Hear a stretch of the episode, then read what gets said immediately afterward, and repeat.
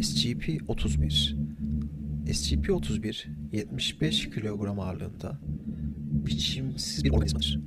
SCP-31 saatte 3 kilometre hızla hareket edebilir ve hareketi esnasında geride yağ izleri bırakır. Yalnızca ilkel fiziksel hareket yeteneğine sahiptir. Ele geçirilen doku örnekleri üzerinde yapılan testler SCP-31'in kısmen de olsa insan kas ve epidermal dokusuna sahip olduğunu gösterir. SCP-31 insan sesini herhangi bir oktav ve tonda üretebilme yeteneğine sahiptir.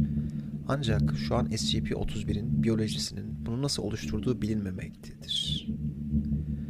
SCP-31'i doğrudan algılayan kişiler onu bireysel olarak tanıdıkları ve geçmişlerinde bir açıdan romantik yönden çekici buldukları bir kişi olarak görecektir. Gözlemlendiğini fark ettiği zaman SCP-31 o kişi olduğunu iddia eder ve geçmişlerinde bazı ortak eylemler konusunda eksiklik yaşadıklarını belirtir. SCP-31 bunu kişiyi uzunca bir süre etkisini kararlı bir duruma getirene kadar birlikte yaşamaya ikna etmek için kullanır. Bu etki SCP-31'i gören her insanda görülür ve araştırmalar SCP-31'in aynı anda kaç insanı etkileyeceğine dair bir üst limit göstermemiştir. Konut konusunda yoklama sonrasında SCP-31 kişiyle romantik bir ilişkiye başlama girişimlerinde bulunacak ve başarılı olması sonucunda evinde yaşamaya başlayacaktır. SCP-31'in aynı anda birden fazla kişiyi aktif olarak etkilemeye başladığına dair sonunda SCP-31'in bazı formlarıyla ilişkide olan bireylerin olduğu en az 18 farklı otel odası ile ilgili birkaç durum belgelenmiştir. SCP-31 nokta noktadaki bir isyandan sonra alınan çelişkili polis kayıtları sonrasında ele geçirildi. Birkaç kişi SCP-31'e dair çılgınca görünümler rapor etti ve ilk sivil birlikler de etki altına girdi. Bununla birlikte amnezyakların ve solunan yatıştırıcıların geniş bir dağıtımı etkilenmiş tüm bireyleri sakinleştirdi. MTV PSI-7 SCP-31'i hükümlü olduğu otelde ele geçirebildi.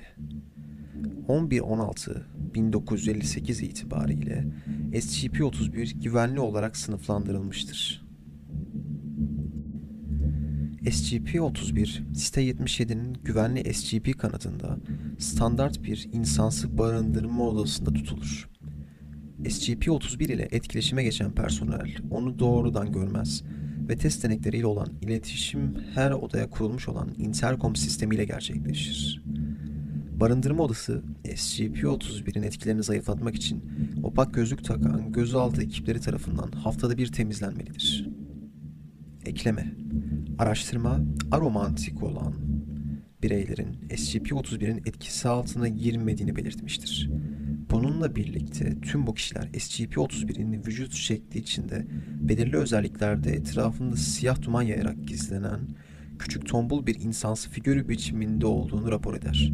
Bu fenomeni açıklamak için daha fazla test gerçekleştirmek gereklidir. İlerleyen testler kişilerin SCP-1937'den etkilenenler ile aynı etkiye maruz kaldığını göstermiştir.